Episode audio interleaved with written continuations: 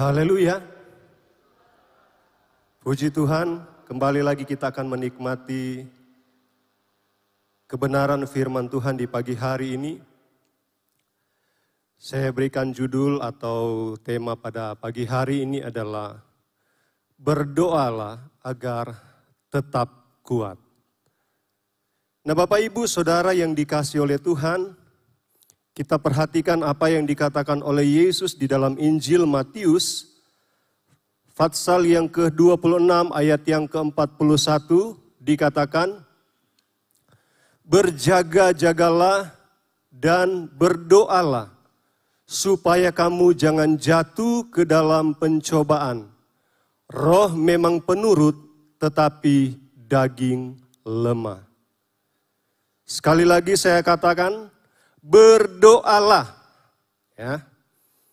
Berdoa Bapak Ibu, ini bukan karena kegiatan atau rutinitas kita yang kita lakukan karena kita ini adalah orang Kristen atau bukan pula karena adalah jadwal gereja sehingga kita mau melakukannya. Kita perhatikan bahwa berdoa itu adalah hal yang sangat penting dan utama dalam hidup kekristenan kita. Karena hal ini menjadi bagian yang tak bisa dilepaskan bagi hidup kekristenan kita Mengapa? Karena kuat atau tidaknya kekristenan kita terletak kepada kesanggupan. Terletak bukan kepada kesanggupan kita, tetapi kepada siapa kita terpaut. Ya, kepada siapa kita terpaut hidup kekristenan kita. Itu sebabnya kalau kita perhatikan apa yang dikatakan oleh Yesus, dikatakan bahwa berdoalah agar kamu jangan jatuh. Itu sebabnya pagi hari ini saya kasih tema berdoalah agar tetap kuat. Dari sini kita dapat memastikan bahwa sesungguhnya kita itu sangat rentan sekali dengan apa yang namanya kejatuhan.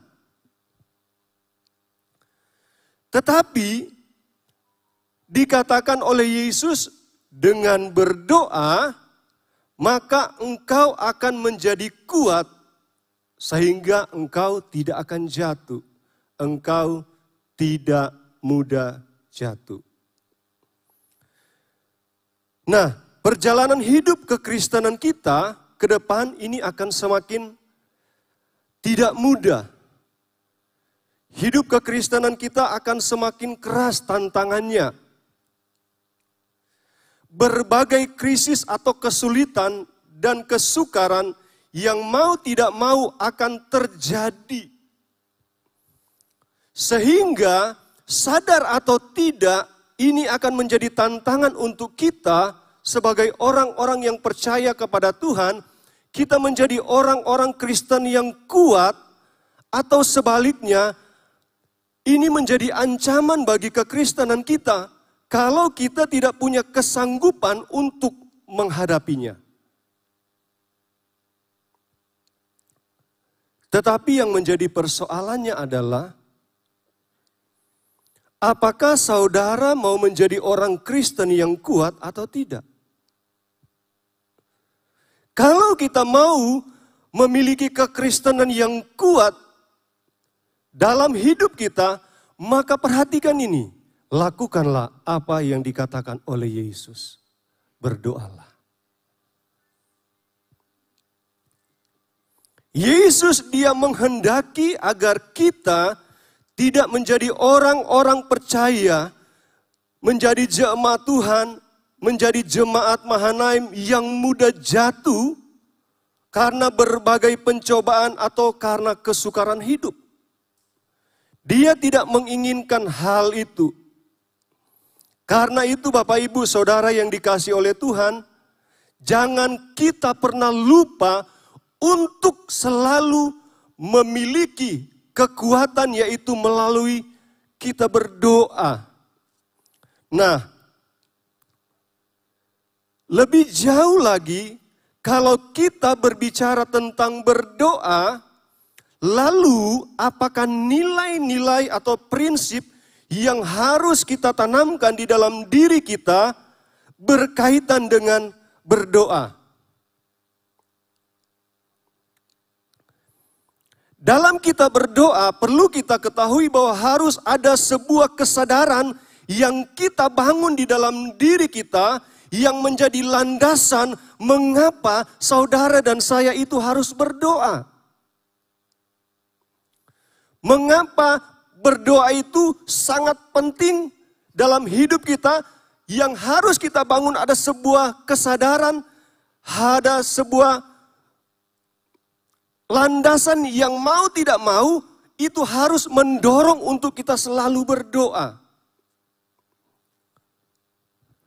Karena Bapak Ibu Saudara yang dikasih oleh Tuhan, menjadi penting atau tidaknya kita berdoa itu akan terletak kepada nilai-nilai atau kesadaran yang kita bangun di dalam hidup kekristenan kita. Itu sebabnya ada beberapa poin yang akan saya sampaikan pada pagi hari ini, yaitu adalah 4K. Nilai-nilai kesadaran yang harus kita bangun, yang pertama adalah kesadaran kita akan keadaan zaman. Artinya, kalau kita siuman, kita mengerti kita tahu Alkitab dengan jelas memberitahukan kepada kita tentang kondisi dan situasi akhir zaman. Kalau kita sadar, kita kalau kita tidak sadar atau kita tidak siuman dengan keadaan zaman, maka kita akan biasa-biasa saja menjalani hidup ini kita akan merasa aman-aman saja, bahkan dengan santai kita menjalani hidup kekristenan kita. Kalau kita tidak pernah sadar dengan keadaan zaman, kalau kita tidak pernah siuman dengan keadaan zaman, maka dipastikan kita tidak akan pernah tahu ketika situasi itu terjadi dalam hidup kita secara tiba-tiba, maka kita akan menjadi orang-orang yang mudah jatuh ke berbagai pencobaan. Kita tahu firman Allah terus diberitakan di tempat ini. Bahkan kita sudah dengar minggu lalu apa yang disampaikan oleh gembala. Bahwa keadaan zaman akan semakin sukar. Dengan dibukanya meterai-meterai. Akan semakin sulit dan kalau kita perhatikan apa yang dikatakan oleh Yesus di dalam Matius pasal yang ke-24, kalau kita baca di sana, kita perhatikan di sana, di ayat yang ketiga khususnya sampai ayat yang ke-14, ini khotbah Yesus tentang akhir zaman, di sana dikatakan akan terjadi penyesatan.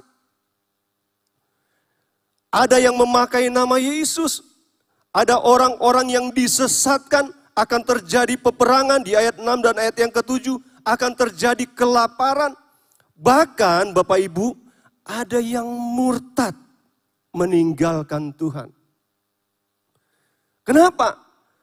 Kalau mereka tidak kuat di dalam Tuhan, mereka tidak punya kekuatan, mereka tidak punya kesanggupan, maka mereka tinggalkan Tuhan. Bahkan lebih jauh dikatakan, karena kedurhakaan maka kasih itu akan menjadi dingin. Ya. Kedurhakaan semakin merajalela sehingga membuat kasih setiap orang akan menjadi dingin. Tetapi apa yang dikatakan oleh Yesus ini barulah awal. Belum masuk pada puncaknya. Itu sebabnya Yesus tidak mau kita terjebak apalagi jatuh masuk ke dalam hal-hal tersebut.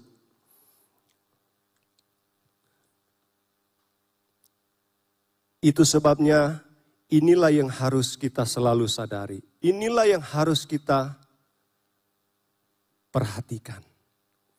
Inilah yang harus kita tanamkan di dalam diri kita, mengapa kita harus berdoa.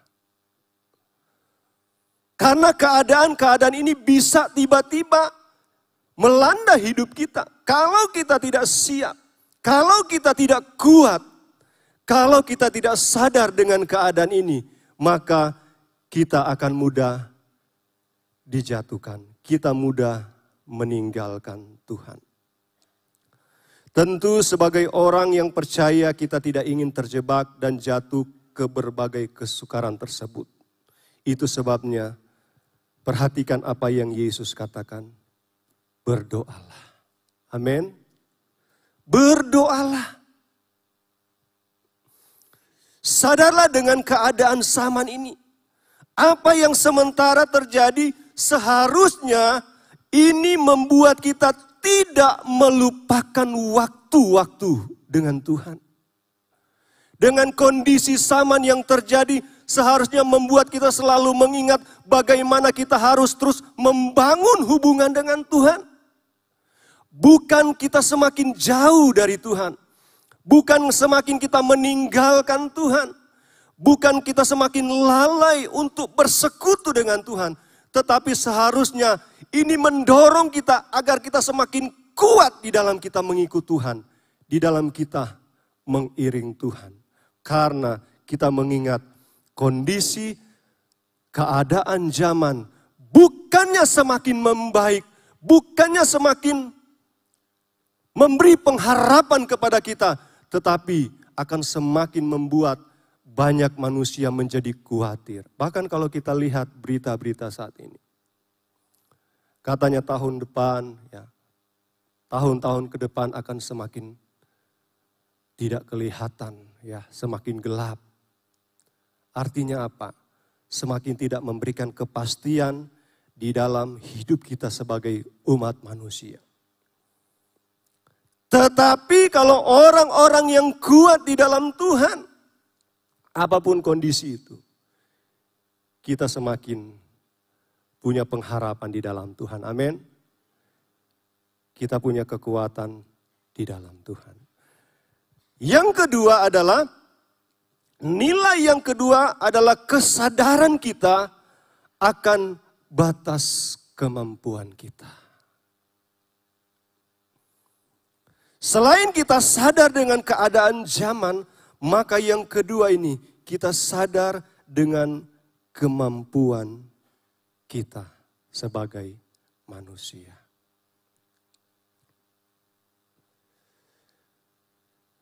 Kita bisa kuat, kita bisa bertahan, kita bisa melakukan banyak hal dalam hidup kita. Namun pertanyaannya adalah bisa sejauh mana? Itu persoalannya. Saudara boleh merasa hari ini saudara kuat. Kita boleh merasa hari ini bahwa kita sementara ada di puncak kesuksesan kita, keberhasilan kita. Kita boleh menikmati segala hal yang kita boleh miliki. Yang barangkali saudara berpikir bahwa orang lain tidak miliki. Tetapi persoalannya sampai sejauh mana kekuatan yang kita miliki, kesanggupan yang kita miliki, kekuatan yang kita miliki. Tentu kita ini sekuat-kuatnya kita, sehebat-hebatnya kita, kita adalah manusia biasa.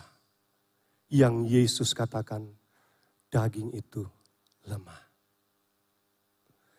Kalau kita tidak punya kekuatan, kalau kita tidak punya kesanggupan untuk menghadapi keadaan-keadaan zaman, maka kita akan mudah kalah. Itu sebabnya sadarlah bahwa kita ini sangat terbatas.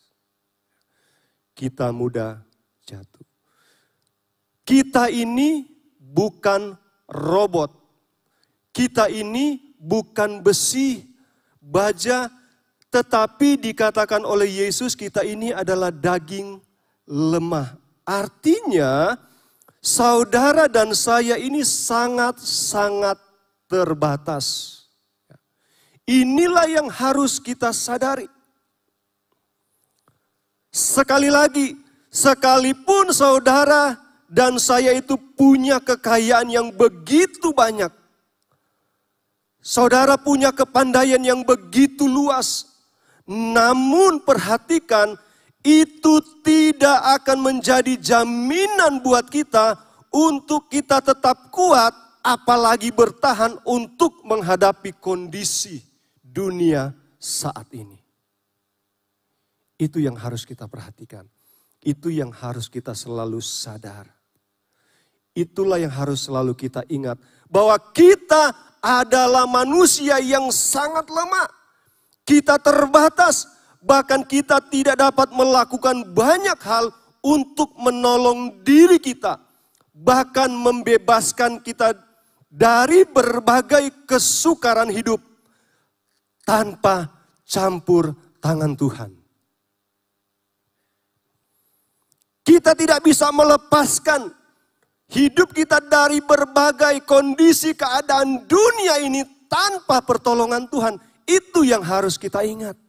Itu yang harus kita perhatikan. Itu sebabnya kalau kita ingat akan hal ini, maka itulah yang akan selalu mendorong kita untuk kita selalu berdoa kepada Tuhan. Itulah yang akan membuat kita selalu membangun hubungan dengan Tuhan. Mungkin kalau saudara kuat, saudara hebat, saudara tidak mudah jatuh, saudara nggak perlu berdoa, saudara nggak perlu Tuhan. Tetapi kembali lagi pertanyaannya adalah apakah bisa? Tentu jawabannya adalah nol. Tidak bisa. Saudara dan saya tidak bisa hidup tanpa Tuhan. Kekristenan kita tidak bisa maju, tidak bisa bertahan tumbuh tanpa Tuhan. Tanpa kekuatan Tuhan. Itu sebabnya hal yang kedua ini jangan pernah kita lupa agar ini menjadi motivasi kita untuk kita selalu terus berdoa kepada Tuhan. Nah sekarang kita akan lihat buktinya apa. Kalau kemampuan kita ini terbatas. Kemampuan secara lahiriah ini memiliki keterbatasan. Paulus bilang di dalam 2 Korintus 4 ayat yang ke-16 begini. Tetapi meskipun manusia lahiria kami semakin merosot. Ya. Lahiria ini semakin hari akan semakin merosot. Artinya tidak ada kemampuan lahiria manusia yang bisa membuat kita kuat, bertahan. Itu sebabnya Yesus katakan daging itu lemah. Itu sebabnya berdoalah. Tubuh lahiriah kita bisa jatuh sakit. Ya. Lahiriah kita ini tiba-tiba bisa ambruk ya tanpa disadari. Tiba-tiba jatuh. Dan pengalaman inilah yang menjadi pengalaman Hiskia. Ketika Nabi Yesaya katakan, Hiskia, kamu akan mati. Kalau saudara baca dalam dua Raja-Raja 20 ayat yang satu. Lalu apakah Hiskia bilang begini? Oh tidak, aku ini raja. Aku ini kuat. Aku ini punya kekayaan. Aku ini punya kedudukan.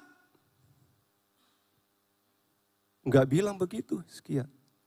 Tetapi Bapak Ibu tahu apa yang dilakukan Hiskia? Hiskia ketika dia difonis akan mati, inilah batas kemampuan kita. Kita nggak bisa berbuat apa-apa. Dia sadar bahwa dia tidak bisa berbuat apa-apa.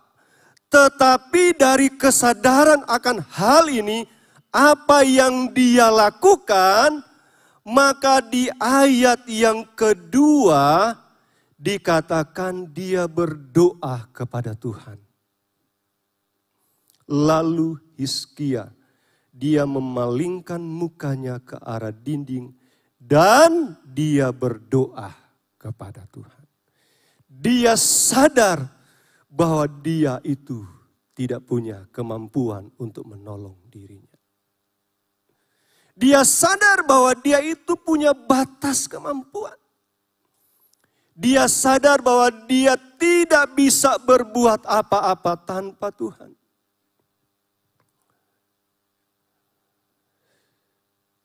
Saya sadar bahwa saya itu sangat terbatas. Walaupun masih dikatakan umur masih muda. Tetapi siapa sangka tiba-tiba jatuh. Kita tidak tahu sejauh mana batas kemampuan kita. Kita tidak tahu sejauh mana kesanggupan, kehebatan kita. Mungkin hari-hari ini apa yang kita punya, apa yang kita miliki, kita tidak tahu itu akan sampai kapan. Tetapi pastikanlah bahwa kita punya kekuatan di dalam Tuhan. Amin. Kita punya kesanggupan di dalam Tuhan. Karena apa? Karena kita selalu membangun hubungan dengan Tuhan. Itu sebabnya sangat jelas sekali mengapa kita harus berdoa. Karena kita ini bukanlah manusia super. Yang ketiga adalah nilai kesadaran yang harus kita bangun di dalam diri kita, mengapa kita harus berdoa adalah keyakinan kita akan kesanggupan Tuhan. Apa artinya keyakinan akan kesanggupan Tuhan? Artinya kita mempercayai sungguh-sungguh bahwa Tuhanlah yang berkuasa menolong saudara dan saya. Amin. Kita percaya bahwa hanya kesanggupan Tuhanlah yang bisa memberikan kekuatan kepada kita untuk menghadapi berbagai tantangan. Di dalam Yudas 1 ayat yang ke-24, bagi dia yang berkuasa menjaga supaya jangan kamu tersandung. Dan yang membawa kamu dengan tak bernoda dan penuh kegembiraan di hadapan kemuliaannya. Amin. Dikatakan bagi dia dia yang berkuasa menjaga agar kita tidak tersandung. Dengan kata lain, agar kita tidak jatuh.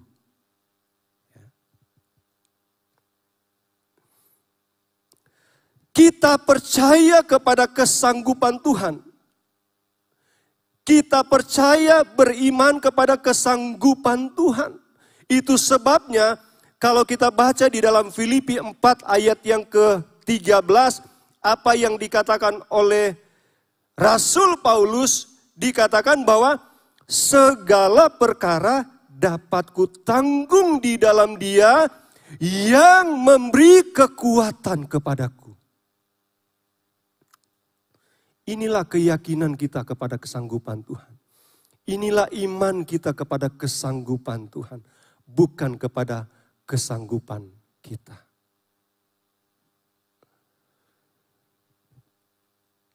Kesanggupan kita sekali lagi sangat terbatas. Tetapi kesanggupan Allah itu tidak pernah terbatas untuk menolong kita. Kesanggupan Allah tidak dapat dibatasi oleh keadaan apa pun. Kalau kita mau meraihnya. Kalau kita mau menikmatinya. Tetapi tidak ada cara lain selain kita berdoa kepada dia. Kita minta kepada Allah untuk memberikan kesanggupan kita. Kita harus percaya kepada kesanggupan Tuhan.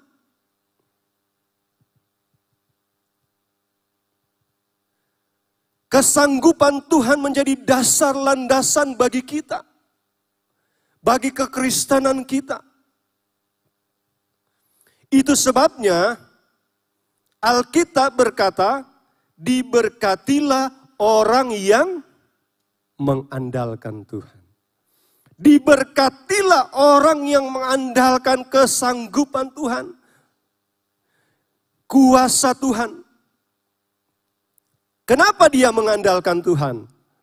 Karena dia percaya penuh kepada kesanggupan Tuhan. Enggak mungkin orang akan mengandalkan Tuhan kalau dia tidak percaya kepada kesanggupan Tuhan.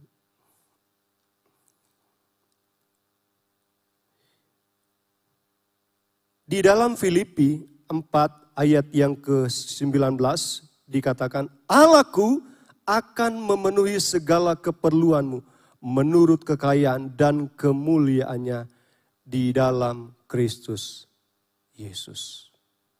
Nah Bapak Ibu Saudara yang dikasih oleh Tuhan, kesanggupannya tidak pernah terbatas untuk menjaga kita. Termasuk dalam hal-hal yang menjadi keperluan kita. Amin. Dia adalah Allah yang tidak pernah terbatas. Dia akan selalu memberi kesanggupannya di dalam hidup kita. Bukti atau contohnya apa? Kesanggupan Tuhan itu. Buktinya kita melihat perjalanan bangsa Israel di padang gurun. Di mana mereka dapat menikmati kuasa dan kesanggupan Tuhan yang menyertai mereka. Siang hari mereka ditutupi oleh awan. Malam hari mereka diterangi oleh api untuk mereka terus berjalan. Demikian juga Daud dalam menghadapi peperangan. Demikian juga Sadrak, Mesak, dan Abednego ketika mereka harus masuk di dalam dapur api. Dan di perjanjian baru ada orang percaya yaitu Paulus dan Silas ketika mereka ada di dalam penjara. Nah Bapak Ibu Saudara yang dikasih oleh Tuhan. Semua hal-hal yang spektakuler terjadi dalam hidup orang percaya. Baik dari zaman dahulu sampai sekarang. Bahkan sampai saat ini adalah hasil dari kesanggupan Allah dia adalah Allah yang berkuasa atas hidup kita. Dia adalah Allah yang berkuasa atas hidup saudara dan saya. Itu sebabnya inilah nilai yang harus kita bangun dalam hidup kita. Mengapa kita harus berdoa? Karena kita punya Allah yang punya kesanggupan yang tidak pernah terbatas untuk menolong kita. Dan yang keempat, nilai kesadaran yang keempat yang harus kita bangun adalah kesadaran akan kekuatan, kesanggupan, bahkan kemenangan terjadi melalui berdoa. Amin.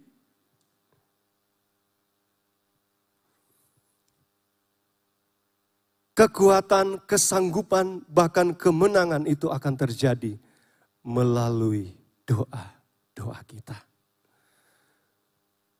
Kekuatan, kesanggupan, bahkan kemenangan dari Allah bagi orang percaya adalah lahir dari kesungguhan, keyakinan, bahkan kesetiaan kita di dalam kita berdoa kepada Tuhan. Kita lihat contoh yang saya sudah katakan tadi, contoh di dalam Alkitab Perjanjian Baru, Paulus dan Silas. Di dalam kisah para rasul 16 ayat yang ke-25. Tetapi kira-kira tengah malam Paulus dan Silas berdoa dan menyanyikan pujian-pujian kepada Allah dan orang-orang hukuman lainnya mendengarkan mereka. Paulus dan Silas dipenjarakan karena memberitakan firman Allah. Mereka dibelenggu bahkan terancam hukuman mati karena Kristus. Namun di tengah-tengah kondisi seperti itu, kita perhatikan apa kata Alkitab tadi. Paulus dan Silas mereka berdoa. Mereka tidak diam.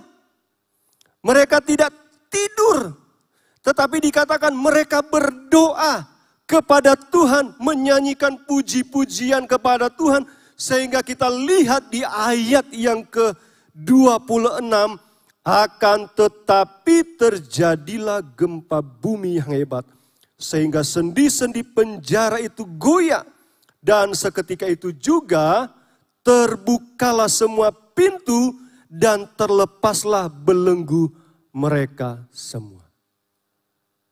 Inilah kesanggupan Tuhan. Inilah kuasa Tuhan. Dan inilah yang dikatakan kemenangan, kekuatan dari Tuhan.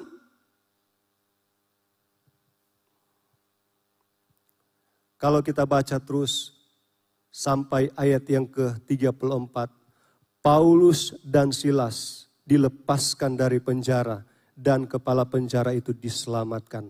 Dan dikatakan di sana seluruh keluarga mereka sangat bersuka cita. Artinya apa?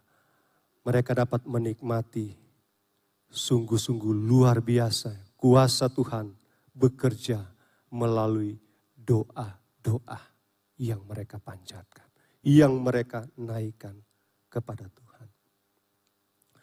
Nah, Bapak Ibu, kekristenan tanpa berdoa adalah kekristenan yang hampa. Kekristenan tanpa berdoa adalah kekristenan yang lemah, sangat mudah digoyahkan, bahkan mudah kehilangan keyakinan. Kekristenan tanpa berdoa adalah kekristenan tanpa kemenangan.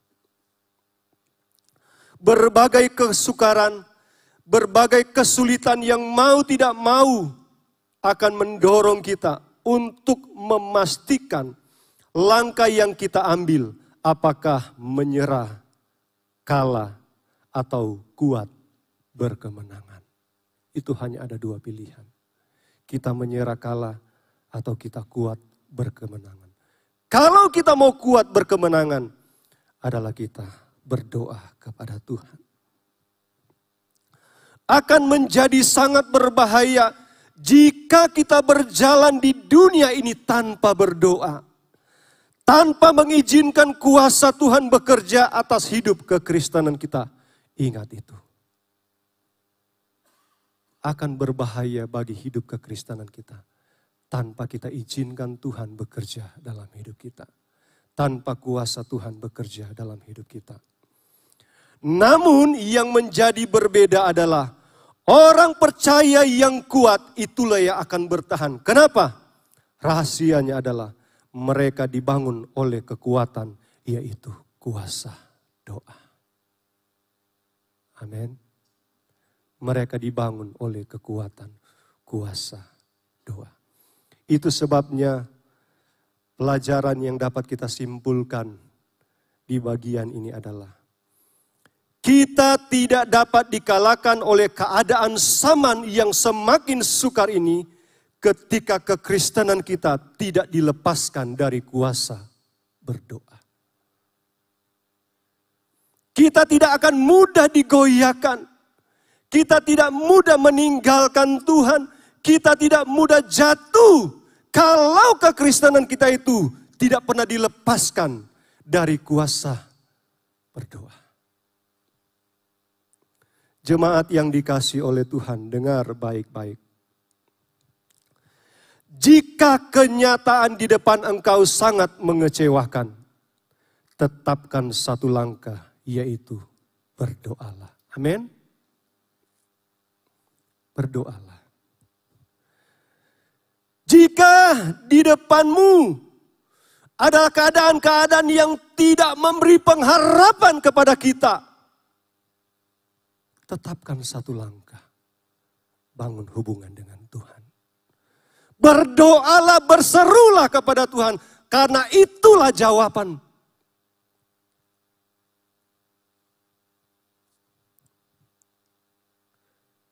Sekalipun kemampuan kita terbatas, tidak berarti kita akan kalah atau menyerah. Sebaliknya kita ber, terus bertahan. Karena kuasa Tuhan melalui doa, ia akan terus memampukan kita. Amin. Saat situasi atau keadaan semakin sukar engkau hadapi dan itu di luar kemampuanmu, berdoalah dan teruslah berdoa Karena tanpa engkau ketahui, di situlah engkau sementara mengizinkan kuasa Tuhan mengalir atas hidupmu. Di situlah tanpa engkau ketahui, engkau sementara izinkan kuasa Allah bekerja atas hidupmu. Ketika engkau terus berdoa kepada Tuhan.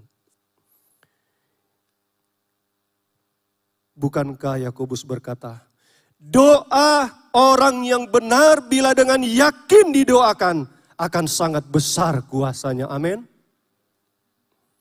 Yakobus 5 ayat 16 bagian. Jangan pernah berhenti berdoa. Karena tidak ada kekuatan, tidak ada pertahanan, bahkan tidak ada kemenangan tanpa berdoa. Amin. Jangan pernah berhenti untuk kita berdoa. Karena kemenangan itu selalu terjadi melalui doa-doa kita. Ayat yang terakhir tidak ada di catatan, saya tulis. Di Yesaya 40 ayat yang ke-31. Tetapi orang-orang yang menantikan Tuhan mendapatkan kekuatan baru mereka seumpama raja wali yang naik terbang dengan kekuatan sayapnya. Mereka berlari dan tidak menjadi lesu. Mereka berjalan dan tidak menjadi lelah. Orang-orang yang menantikan Tuhan. Siapa orang-orang yang menantikan Tuhan? Mereka adalah orang-orang yang selalu membangun hubungan dengan Tuhan. Mereka adalah orang-orang yang selalu berdoa kepada Tuhan, mengandalkan Tuhan, yang selalu berseru kepada Tuhan. Mereka adalah orang-orang yang tetap kuat, terus kuat. Mereka tidak mudah digoyahkan karena ada kesanggupan Tuhan yang menyertai mereka. Ada kekuatan Tuhan yang menyertai. Itu sebabnya saudara dan saya mengapa kita harus berdoa. Karena kita sangat perlu Tuhan. Kita sangat butuh Tuhan. Amin.